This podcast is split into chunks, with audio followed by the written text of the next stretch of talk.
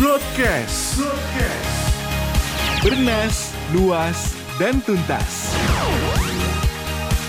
Powered by Business Indonesia dari orang yang butuh duit yang BU banget gitu ya mungkin ini semacam apa ya cara untuk mendapat duit secara kilat ya dana segar secara kilat itu biarpun ya tetap ada risikonya juga ada yang bunganya sangat tidak manusiawi hmm. ada yang penagihannya juga sangat tidak manusiawi ya yeah. sampai orang-orang yang ada di kontak gitu semua dibajak istilahnya dibajak gitu ditagihin yeah. gimana caranya biar orang ini bayar gitu itu kan sangat apa ya sangat nggak etis cuman ya itu yang harus dibayar buat orang-orang yang mau dana segar secara kilat.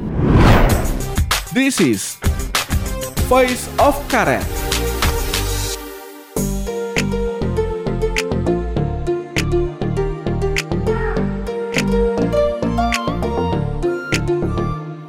Halo Sobat Bisnis, balik lagi ke program Voice of Karet yang dibuat oleh Bisnis Indonesia. Saya Dwi uh, redaktur Des Finansial dan ini rekan saya. Siapa? Siapa? Wibi Pangestu yang biasa cover finansial juga. Yeah. Ya. Halo, Kak Dwi. Halo, kali ini kita mau bahas soal apa, Wib? Soal penggerak perekonomian tapi tidak direstui yaitu Kenapa fin harus gak direstui ya? Karena ilegal. Kita bicara soal fintech ilegal Oke, okay, pinjol ya kalau misalnya online. ya lebih lebih populer dengan kata pinjol. Pinjaman online.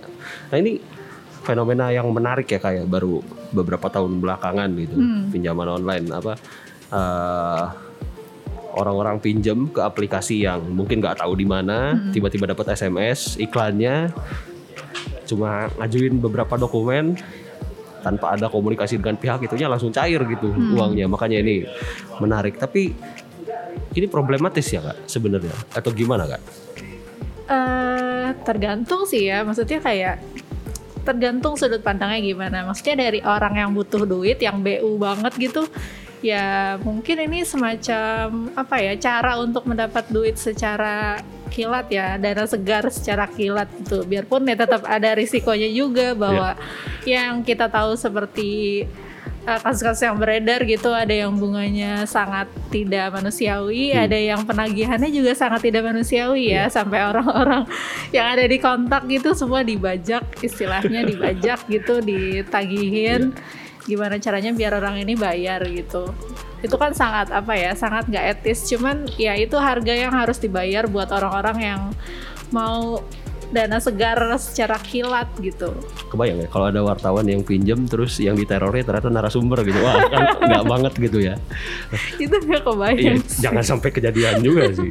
Nah, sebenarnya tadi kan bicara uh, Kakak jelasin ada risikonya dan lain-lain gitu ya. Ada harga yang harus dibayar dengan kita pinjam ke fintech ilegal. Emang sebenarnya aman gak sih Kak pinjam di fintech ilegal tuh pinjol ilegal ini? Iya, maksudnya kita udah tahu dari istilahnya aja ilegal gitu kan. Oh. Itu itu istilah apa ya itu menggambarkan risikonya sih itu kita telan sendiri risikonya yang hmm. fintech yang legal aja tetap ada risikonya apalagi yeah, yeah. ini yang ilegal gitu ilegal itu kan berarti nggak memiliki izin atau hmm. nggak mengikuti regulasi tertentu kan jadi hmm. ya di situ risikonya double sebenarnya gitu kalau misalnya kita bandingin sama lembaga keuangan yang konvensional gitu kalau misalnya kita butuh uang tuh persyaratannya kan mungkin ribet banget hmm. gitu kita hmm. butuh uangnya sekarang terus pencairannya mungkin berbulan berminggu-minggu atau berbulan-bulan butuh dokumen yang banyak harus mondar mandir segala yeah. macam hmm. harus ada survei segala macam mereka harus memastikan bahwa kita mampu buat bayar hmm. gitu cuman kan si pinjol ini dengan kata online-nya itu seolah-olah jadi sakti gitu kan. Yeah. seolah-olah semua prosesnya tuh hilang aja gitu. Mhm. dalam hitungan menit mungkin uangnya bisa langsung cair gitu. Cuma ya balik lagi saat di situ ada fin, uh, pinjol dan bahkan pinjol ilegal gitu. Itu risiko yang seharusnya udah terbayang sih buat orang-orang yang memang butuh uang tapi ya tetap balik lagi. Kita harus tahu juga risikonya kayak gimana kalau mau selamat. Tapi kak, pandangan kakak pribadi nih, uh, ini dari pengamatan gue ya di lapangan ngecek di apa media sosial dan lain-lain, orang yang pinjam itu bahkan tidak merasakan dirinya itu meminjam gitu. Tapi itu sumber uang online karena kalau meminjam kan mesti ngukur diri dulu seenggaknya Uh-uh. mampu ngembaliin Betul. atau kitanya tuh punya penghasilan atau sumber daya yang bisa dipakai untuk mencicil pengembalian atau apa pun lah gitu. Hmm. Tapi ini tuh kayak orang ya pinjam tanpa tahu harus ngebalikin. Apakah itu semakin memperkeruh kondisi pinjol online ini apa gimana kak? Eh, itu sebenarnya peluang ya buat Oh. pinjol online ya. Maksudnya pinjol ilegal ya, pinjol dan pinjol ilegal ya. Maksudnya Iya, iya. kayak eh, aku jujur nggak paham juga ya sama pola pikir orang yang seperti itu gitu. Mhm. Karena ya balik lagi saat kita pinjam uang, kita harus ngebalikin dan membalikannya mengembalikannya itu pokok plus bunganya gitu. iya iya. Jadi kayak ada pokok dan bunganya dan bunganya itu kan selalu yang jadi tolak ukur kan bahwa kalau misalnya kita pinjam katakanlah kita butuh uang satu juta gitu. Kalau misalnya kita harus balikin 2 juta, apakah itu manusiawi gitu? Iya. Kita Mhm. pinjam satu juta terus kita harus balikin 2 juta. Iya. Gitu aja sih. Cuman ya balik lagi eh, setiap orang punya eh, ruang risiko, ruang Iya. risiko, toleransi risiko yang beda-beda dan juga mungkin karena mendesak ya dan ya karena faktor keadaan mungkin ya pada akhirnya mereka merelakan itu gitu. Nah, itu kan selalu ya eh, kebutuhan akan duit, mendesak dan lain-lain jadi alasan buat pinjam. Cuma sebenarnya yang membuat mereka pinjam ke yang ilegal apa aja ya kak alasannya? Apakah nggak ngerti atau gimana ya? eh kayaknya ya berdasarkan persyaratannya aja sih mungkin ya ya pinjol itu sebenarnya makhluk baru banget gitu kan maksudnya kayak Iya. kita nggak pernah ketemu orang ya kayak gimana bahwa nih orang bakal kasih uang gitu cuman eh, di situ mereka menawarkan kemudahan gitu. Selama Hmm. ini mungkin ada pihak-pihak yang selalu sulit gitu untuk dapat uang saat mereka butuh. Dipersulit oleh administrasi proses eh, segala ada survei segala macam. Jadi kayak mungkin saat mereka tahu ada cara yang cepat ya udah kenapa enggak? Kayak Hmm. gitu aja sih. Mungkin juga ada orang-orang yang justru preferensinya yang lain yang selain pinjol itu apa sih? Kayak pegadaian atau Ya. Hmm. bank peng perkreditan rakyat koperasi gitu kan mungkin itu Bank Emok preferensinya kalau bakal di desa-desa iya gitu kan, bakal iya. itu yang beda-beda lagi cuman ya Hmm. balik lagi saat mereka menawarkan kemudahan kecepatan ya apalagi sih kita semua pengen cepet pengen Iya. mudah kan Mhm. Mungkin aku sih sempet ngerasa jangan ngelihat pakai bias kita yang udah punya pemahaman finansial ya Mhm. bahwa itu salah gitu. Tapi kan Betul. orang yang nggak paham mungkin yang ngelihatnya itu sumber pinjaman aja Hmm. gitu tanpa apa tanpa terlalu ngelihat ilegal apa enggaknya. Dan menariknya tuh eh, jadi kalau si pinjol ini ya iya pinjol tuh ada yang ada yang memang dia menyediakan uang gitu buat misalnya aku butuh uang terus aku coba propose eh, coba aku bisa nggak pinjam uang 5 juta gitu. Oh iya bisa. Bunganya sekian gitu. Tapi ternyata ada juga yang menawarkan eh, solusi misalnya aku punya uang terus aku mau pinjemin uang ke Wibi misalnya. Nah, ada ternyata yang skemanya kayak gitu dan itu eh, cukup populer juga jadi pilihan Oh. orang-orang yang mau dalam tanda kutip ya cuan gitu menggandakan Oh. uangnya gitu dengan cara istilahnya mungkin kita kayak jadi rentenir gitu kan sih enggak ya Difasilitasi sama pinjol ilegal gitu. iya mungkin Oh. ya kayak dipertemukan gitu nih Oke. Eh, ini orang yang mau pinjemin duit yang ini ada orang yang pinjem Hmm. duit gitu Hmm. kayak gitu dan maksudnya yang cukup menariknya adalah orang-orang ini paham juga risiko investasi dan mereka juga apa ya dibilang punya ruang ruang toleransi yang besar terhadap risiko Oh, oke. gitu dia udah kenal bahwa oh investasi itu ada loh di reksadana di saham gitu ternyata oh di fintech ini juga menarik gitu. Untungnya bisa di atas 14% dalam tiga bulan enam bulan gitu. Iya. Bayangin kalau misalnya uangnya 50 juta ke atas gitu. Iya. Iya, iya. Bisa setara gaji lah ya, lebih dari itu. Tapi itu terjadi juga orang invest, katakanlah investasi di pinjol ilegal ada Iya. aja ya. Ad- ada dan Oh. itu terjadi teman saya sendiri. Jadi kayak Gimana dia nggak maksudnya? Kok bisa sampai akhirnya memutuskan kan dia melek sama risikonya tadi? Iya, eh, mereka sama sekali nggak ngecek bahwa si pinjol ini, eh, si fintech ini, dia terdaftar di OJK atau Oh, enggak oke. gitu. Jadi kayak oh Iya. ini ada proyek ubi jalar eh, tiga bulan Mhm. returnnya 14% ya udah masukin aja dia waktu itu Oke. eh, masukin kurang lebih ada dua portofolio kalau nggak salah nilainya Hmm. tuh hampir 30 juta terus saat saat eh, ada proyeknya yang udah selesai uangnya kembali. Tapi ada yang masih nyangkut sekarang 14 juta. Dan Setengahnya ya? sekarang bisa ditemukan di Instagram ya. Orang-orang yang mengeluh atas nama si atas nama lender gitu. Iya, iya. atas nama lender menagih kapan uangnya bisa cair gitu. Mhm. Itu jadi polemik juga untuk ini kak, baik itu dari sisi lender, pemberi pinjaman ya istilahnya, kalau istilah bakunya atau orang yang nyimpen duitnya di pinjol, pun dengan orang yang pinjemnya, karena mereka ngerasa dirugikan. Tapi di satu sisi pinjolnya sendiri ilegal gitu. Iya. Itu gimana kak? jadi jadi jadi balik lagi da- jadi double resikonya gitu. Ah, ah. Sedangkan kalau satu sisi aja nih eh, jujur aku pribadi juga salah satu korban ya. Tapi Hati-hati yang nonton, bapak ibu nih tolong ya. tapi saya nggak sebut mereknya ya. Iyalah, jangan-jangan. Bercanda, Jadi- bercanda.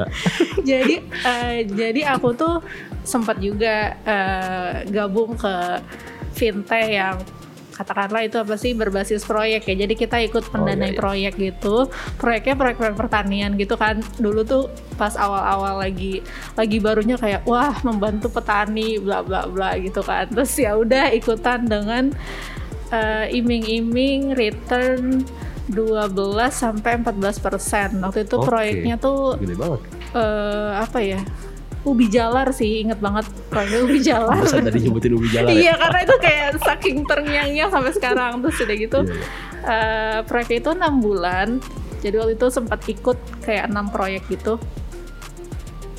Yang tersisa tinggal dua. Dua ini udah tiga tahun sendiri gitu dan Oke. sampai sekarang nggak ada kabar eh, proyeknya ini lanjut apa enggak gitu dan nggak ada kabar juga bahwa si orang yang minjem ini akan bertanggung jawab untuk mengembalikannya atau enggak Hmm, gitu hmm. duitnya sih nggak banyak ya cuman kayak eh, bukannya investasi itu kalau misalnya ada return 14% itu tuh menggambarkan apa sih gitu Iya. Hmm, Maksudnya apakah itu menggambarkan bahwa kita bisa untung 14% dan rugi 14% tapi kenyataannya ini pokoknya aja nggak ada Iya, gitu. Jadi iya. kayak lebih gambling di situ sih. Dan menariknya karena si fintech ini berizin Oh, oke. dan terdaftar di asosiasi gitu. Mhm, Maksudnya mhm. dengan kondisi fintech yang berizin dan resmi pun risiko itu tetap ada apalagi di fintech yang ilegal Mhm. gitu. Si temanku ini yang harus merelakan gitu harus menunggu 14 jutanya kapan kembali gitu. Iya, iya.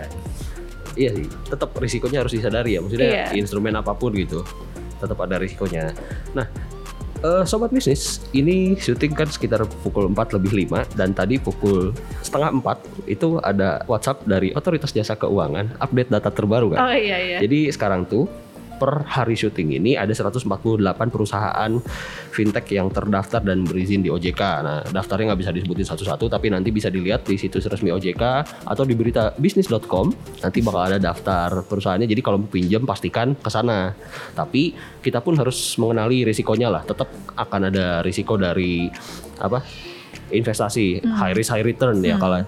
Nah, soal OJK nih Kak.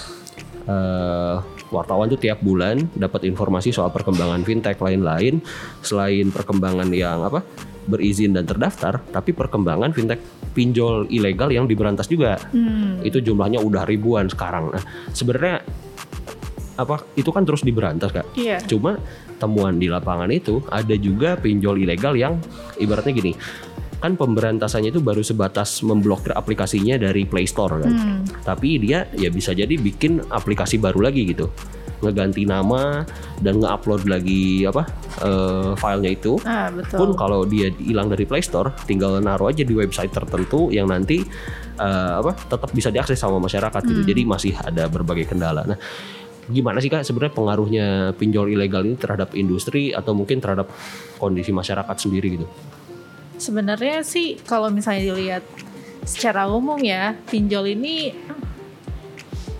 agak unik juga sih kasusnya. Maksudnya dia eh, yang tadi disebut dari awal dia ini makhluk baru tapi langsung dipercaya gitu. Oke. Menarik tapi nih, satu sisi dipercaya. iya kan langsung dipercaya orang kayak oh iya dia mau minjemin duit nih ya udah deh gitu orang percaya pinjem di sana gitu. Iya. Satu sisi juga saat pinjol ini udah ketahuan bahwa ini pinjol nih ilegal gitu. Hah. Mungkin juga di situ menimbulkan apa ya?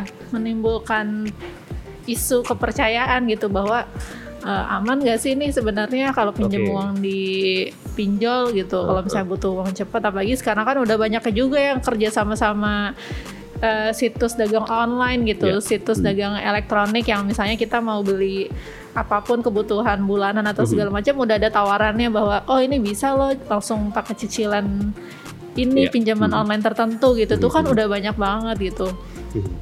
tapi ya balik lagi sih eh, balik lagi ke pemahaman kita seperti apa dan ya risikonya seperti apa karena ya pinjem ke lembaga yang resmi aja tetap ada risikonya dan apalagi ini yang ilegal ya. Ya siap-siap aja gitu sih. Karena kayak gimana ya susah juga ya buat ngasih tahu orang bahwa eh jangan pinjam uang ke sana. Loh kan saya butuh. Ya udah mau gimana Iya. lagi gitu. Iya. cuman yang sekarang ketahuan adalah eh, secara industri ya karena sekarang juga masih di moratorium kan ya untuk eh, izin barunya Hmm. Ya mungkin yang yang kerasa sekarang ya dari sisi jumlah kalau sekarang itu 149 kalau nggak salah itu akhir dua- 2019 itu tuh ada 160-an gitu. Jadi kayak lumayan juga sih maksudnya se- selama 2020 itu gitu. Berkurang. ya. Hmm, berkurangnya dan ya balik lagi mungkin juga hmm, kalau misalnya dilihat dari realisasi pinjaman secara industri juga terpengaruh cuman menariknya iya terpengaruh gitu turun juga gitu. Cuman satu sisi yang menarik kalau misalnya dibandingin sama lembaga yang lain tetap masih tetap masih lebih menarik. Yang lain tuh Oke. misalnya kayak pembiayaan yang konvensional gitu itu piutang pembiayaannya terkontraksi gitu. Mhm, mhm. secara tahunan 17 persenan gitu. Tapi kalau misalnya fintech secara industri dia masih tumbuh 60 persenan biarpun sebenarnya secara tren dia melambat, Melambat, sih cuman mhm. tetap aja kayak saat orang-orang terkontraksi maksudnya lihat di pembiayaan di kredit gitu Iya. kan Mhm. semua terkontraksi gitu maksudnya yes melambat gitu hmm. dia pinjol juga cuman masih di keadaan yang masih ya oke lah gitu. Kalau di berita bisnis sebelumnya sempat dijelasin kan salah satu yang melambat tuh penyaluran pinjaman produktif ya kayak. Hmm, Cuma mungkin jadi agak ketolong juga sama konsumtif gak sih kak pinjamannya? Karena kan itu tadi gampang banget kayak kita eh, nyari daftar yang legal di OJK atau di situs bisnis.com daftarnya ada. Eh, tinggal nyari daftarnya misalkan tertarik sama yang ini download ajukan dapat gitu. Heeh. kan buat sekarang kondisi sulit pandemi gini ya bisa cukup membantu gitu. Itu bisa jadi penyeimbang lagi nggak sih si pinjaman eh, apa konsumtif itu? Eh, dibilang dibilang penyeimbang sebenarnya agak susah ya. Maksudnya Oke. dengan eh, dengan kondisi ya di kalangan menengah juga ya emang mereka lagi lagi susah juga tertekan kan secara secara umum tuh apalagi kalau sektor informal jangankan sektor info, informal yang formal juga pasti terdampak kan misalnya Iya, ada iya. pengurangan gaji atau pemotongan tunjangan segala macam cuman ya eh, balik lagi kalau misalnya risikonya itu masih aman, misalnya si peminjam dana itu masih punya kemampuan yang bagus gitu Hmm. buat mengembalikan dananya, itu masih masih bisa dibilang penyeimbang. Tapi suatu ketika kan kita kalau nggak salah di bisnis juga pernah ditulis ya bahwa si risiko si fintech ini juga sempat terganggu gitu kan sempat yang dia mencerminkan bahwa risikonya tuh tinggi banget gitu Oke. sampai tingkat one, one prestasi 90 hari ya namanya saat Hmm. yang mencerminkan bahwa eh, mencerminkan kemampuan si peminjam dananya itu rendah itu terjadi waktu pertengahan tahun 2020 Ya. kan gitu dan di situ kan mulai apa ya lampu kuning juga Hmm, gitu hmm. bahwa lembaga keuangan yang kecil pun ternyata terdampak Iya. gitu. Hmm. Fintech itu sempat di atas 5% ya dia eh, ininya apa? 8 Oh 8%. Oke, maaf saya lupa angka-angkanya. Padahal saya yang liputan ya. 8% tapi sekarang udah turun jadi 4 jadi 4. Jadi sekarang itu dari data OJK yang terbaru eh, si tingkat one prestasi 90 hari itu udah di 4,17 persen kalau nggak Oke. salah 4,17 persen itu mendekati level waktu Maret Mhm. 2020 jadi kayak Maret itu mungkin udah ada dampaknya tapi sedikit gitu Hmm, ke ya. industri jadi ya Mhm. kelihatannya sih mulai membaik Iya. ya semoga sih di tahun ini lebih lebih bertenaga ya Oh iya perlu perlu digarisbawahi kalau TKB 90 atau apa eh, NPL fintech itu dihitung ke fintech-fintech yang legal ya. Kita tadi ngebahas eh, apa pinjol ilegal itu nggak dihitung skala bisnisnya berapa, jumlah yang dipinjamkan udah berapa, kerugian yang terjadi berapa itu nggak dihitung. Jadi eh, kalau ada lihat angka-angka yang apa mencerminkan industri fintech atau pinjol itu pasti yang legalnya. Nah, kalau balik lagi ke apa yang ilegal nih kak. Kalau kakak sendiri ngelihat gak sih sebenarnya itu ngaruh ke perekonomian gak sih, ngebantu masyarakat gak sih, atau jadi pedang bermata dua kah atau gimana kak? kayaknya sih lebih ke yang kedua ya Oke. maksudnya kayak ya pada saat pinjaman itu keluar dan kita dapat nih uangnya Hmm.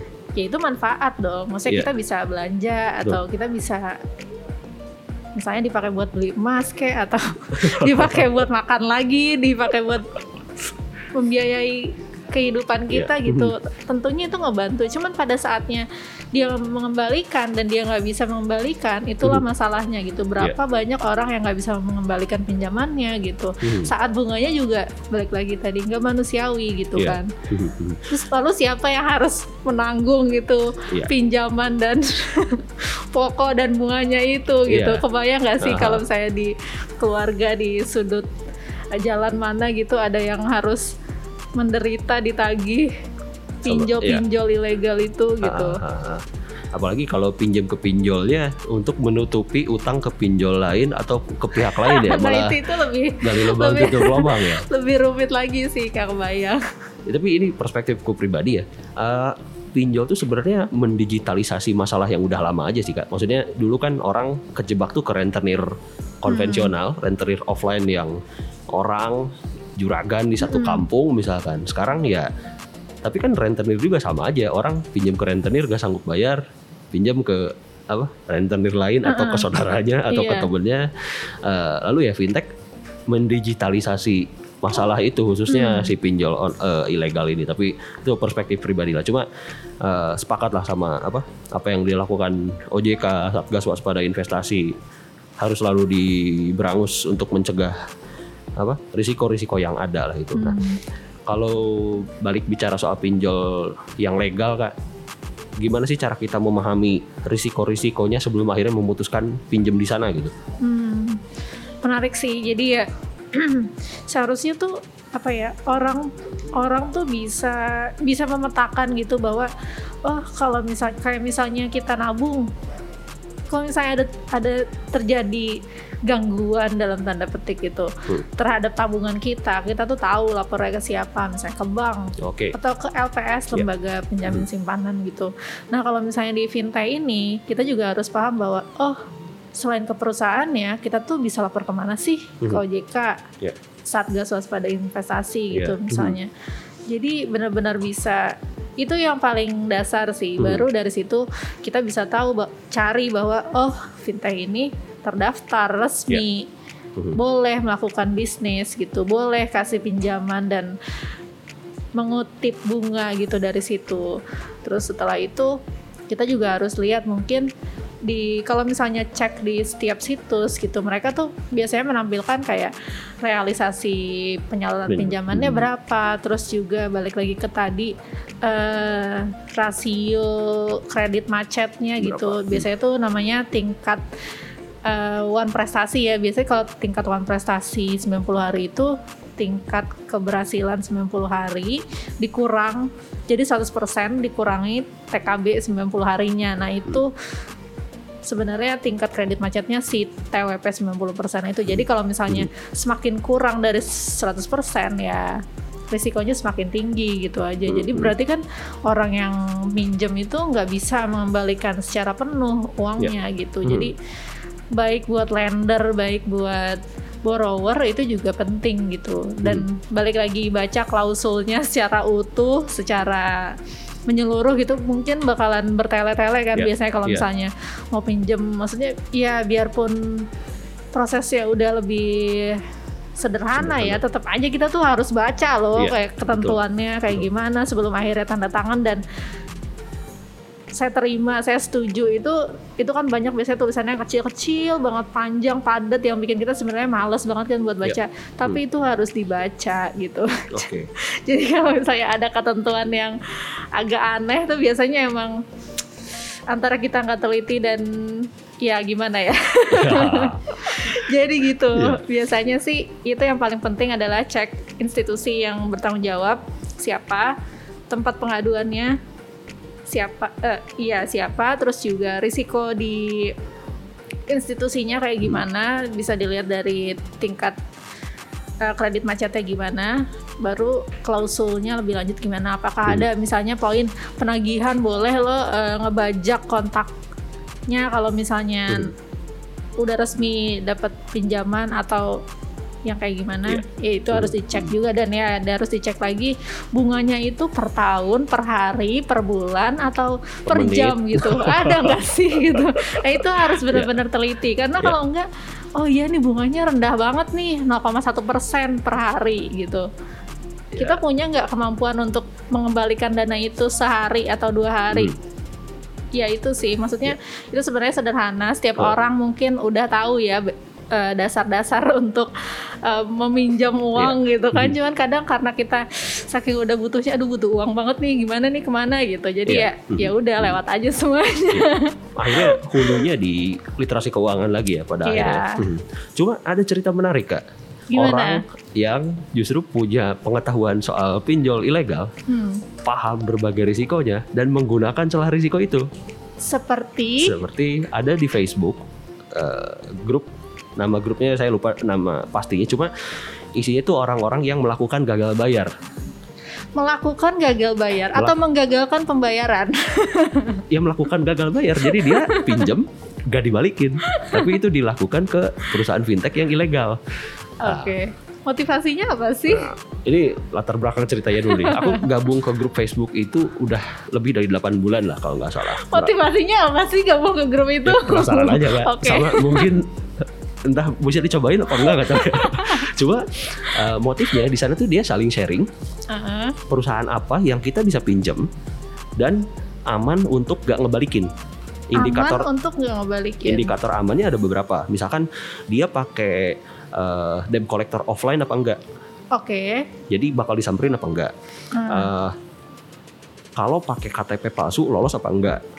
Hmm. Eh, terus misalkan kalau disamperin debt collector offline, biasanya jangka waktu berapa lama? Jadi dia sembunyi di periode penagihan, Oke, sehingga dia ya udah saling sharing. Misalkan Galbay di sini nyebutin aplikasinya, Galbay, gagal Gal- bayar Galbay ya. gagal bayar, Galbay di sini aman nggak? Nah, gitu. Tapi kebanyakan yang disebutin eh, pinjol ilegal, Hmm. meskipun ada juga beberapa yang legal saya lihat ya di postnya.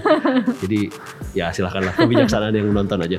Nah, tapi mereka memanfaatkan celah itu. Jadi eh, mereka ngelakuin eh, gitu. Bahkan ada beberapa yang kayak nge-screenshot daftar aplikasi yang dia install di HP-nya Hmm. dan aplikasi itu pas dilihat ilegal semua, tapi dia berhasil pinjam ke semua itu. Jadi Terus di- mereka buat apa pinjem? biar dapat duit dong, kan nggak usah dibalikin karena Iya sih. si ilegal ini nggak punya otorit otorisasi untuk narik lagi duit dari dia. Nah, Eh, nah, kalau yang saya pelajari selama ini, eh, motif mereka melakukan itu ya mereka tahu ini perusahaan ilegal, hmm. dia balik rampok lagi gitu istilahnya. ya itu emang jahat, cuma itu terjadi gitu kak. Nah apa pokoknya tindakan galbay ini ada. Jadi kayak saling sharing. Eh galbay di sini aman gak? Tuh langsung yang komen-komennya tuh. Oh iya saya juga pernah sejuta di sini, pernah di sini, pernah di sini. Eh yang ini disamperin debt collector apa enggak gitu? Enggak kok aman. Nah kalau yang ini, oh jangan-jangan itu kemarin saya disamperin debt collector gitu harus balikin berapa? Jadi saling sharing gitu. Ya itu ya menarik lah Pernah gimana. mempertanyakan gak sih kenapa kita kerja? Gak gitu aja ya. Tapi nggak tenang juga karena ya maksudnya eh ini kalau pandanganku pribadi pinjol legal atau enggak atau ilegal tetap padat modal. dengan gedenya modal dia, dia berarti punya resource untuk bayar debt collector sehingga bisa melakukan penagihan yang ya entah patut entah tidak ya. Iya. Jadi tetap ada risikonya juga sih melakukan itu. Jadi saya mending kerja aja jadi wartawan lah. Gitu. Tapi kayak eh, apa ya? Maksudnya nggak tahu. Aku nggak paham kenapa si si pinjol ini bahkan eh, menyediakan ruang untuk celah-celah seperti itu yang Iya. berisiko bah- bikin bahwa bisnisnya dia makin rumit gitu. Bisnisnya dia makin rumit kan dia kan bisnis ya, bukan Iya. bagi-bagi uang ya. Betul, betul, betul. Cuma ya itu kayaknya dia sadar juga dia perusahaan ilegal. Hmm. Jadi kalau ada yang balik ngejegal ya kalau dia pakai cara legal untuk menindak si penjegal itu, dianya sendiri juga yang kena karena beroperasi secara ilegal. Ya lingkaran setan gitu kan. Kebayang nggak sih? Eh, Tapi eh ya udah deh. Ya, yang penting kita jangan Anggaplah kita ya. setuju ya yang soal itu. penting kita jangan pinjam ke pinjol ilegal lah, sengaja kayak gitu. Oke, Iya. tapi itu itu eh, kasus yang sangat unik dan aneh ya sebenarnya. Maksudnya Ya, kayak kalau misalnya dibilang menghukum si pinjol ilegal itu, ya kenapa nggak dilaporin aja gitu? Ya karena mungkin nggak memberikan keuntungan buat dia melaporkan pinjol ilegal iya gitu sih. kan. Mungkin ya setelah menerima uang sekian banyak gitu, akhirnya dia ya udah dia laporin aja gitu biar Ah. orang-orang kayak aduh gimana ya konsep untuk membalas dendamnya ini nggak tahu ya. Ya, agak agak lucu aja sih. Robin Hood Robin Hood aja merampok dari orang kaya yang ibaratnya nggak dosa-dosa amat lah ya. Bahkan mungkin nggak dosa gitu tapi kalau ini ya ya udahlah. Jadi begitulah kira-kira perbincangan soal pinjol ilegal ini. Ada pesan-pesan nggak Kak, untuk sobat bisnis yang mendengarkan Voice of Karet soal pinjol? Apa yang harus kita antisipasi atau perlukah kita meminjam atau gimana Eh, menarik sih sebenarnya karena saya juga saya juga belum pernah pinjam uang ke pinjol mana pun ke ya karena ya buat apa gitu. Terus tapi kalau misalnya harus kasih saran mungkin ya buat orang-orang yang lagi butuh uang gitu balik lagi kita harus lihat ke resikonya seperti apa kemampuan bayar kita seperti apa gitu toh kita ingin dicap sebagai peminjam dana yang baik kan. Saat minjam dana ya akan dikembalikan gitu pada waktu yang seharusnya gitu. Dan ya. balik lagi hitung ke bunganya. Bunganya itu perhitungannya per hari eh per jam per hari per bulan atau per tahun itu benar-benar harus hati-hati di situ terus baca klausulnya. Terus balik lagi kalau misalnya tertarik jadi lender harus tahu juga resikonya bahwa kita sendiri yang udah memutuskan mau jadi lender gitu. Hmm. Jadi kalau misalnya sesuatu terjadi sama uang kita gitu saat itu nggak kembali, mungkin ada beberapa fintech yang bisa kasih asuransi misalnya Ya. kalau misalnya kita mendanai proyek tertentu gitu. Cuma kan ada juga dong yang nggak kasih jaminan gitu. Jadi gimana caranya ya kita bisa beli asuransi tambahan mungkin untuk melindungi resikonya Ya. kalau misalnya di fintechnya itu nggak menyediakan asuransi tapi bisa juga kita balik lagi meng- menghitung dan mengukur ya bahwa Hmm. oh dengan uang sekian return sekian dan risiko sekian sepadan atau enggak gitu Iya. jadi Hmm. ya balik lagi ke preferensi masing-masing dan ruang risiko masing-masing tapi yang paling berisiko itu kalau kita nggak tahu apa-apa sih Ya, jadi kayak betul. gimana caranya bisa dapat informasi yang betul, informasi yang resmi dari lembaganya yang resmi dari OJK apa Satgas Waspada Investasi dari Bisnis Indonesia juga gitu kan. Jelas, tentu dong ya Itu sih paling. Kalau menurut Wibi gimana? ya karena balik ke yang tadi udah disebutin pinjol itu hanya mendigital, mendigitalisasi permasalahan klasik jadi Hmm. ya yang paling pertama hindari masalahnya jangan sampai berhutang aja Oh, jangan sampai kalau berhutang. kalau- jangan sampai berhutang kalau butuh uang bekerja dulu sampai Hmm. terpenuhi kecukupannya tapi kalau perlu uang entah itu untuk menutupi kebutuhan atau untuk mendorong pekerjaan lebih bisa menghasilkan apa imbal hasil yang lebih tinggi lagi baru pinjam dan pinjamnya baru ke uh, instansi mana pun lembaga mana pun yang uh, aman legal dan seenggaknya nyaman untuk kita lakukan transaksi di sana. Kalau opsinya pinjol ya pinjam aja ke pinjol, tidak ada yang salah selama itu aman dan terjamin. Jadi kontrol di diri sendiri dulu aja sih kak. Iya, selama kita yakin juga ya. Betul sekali. Bijak sekali saya.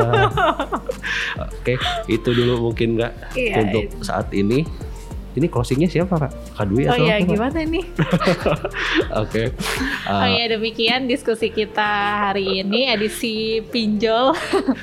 pinjaman online. Iya, pinjaman online. Mungkin nanti bisa disambung lagi dengan tema-tema menarik lainnya hanya di Voice of Karet. Saya Wibi, Saya Dwi. pamit. Ciao.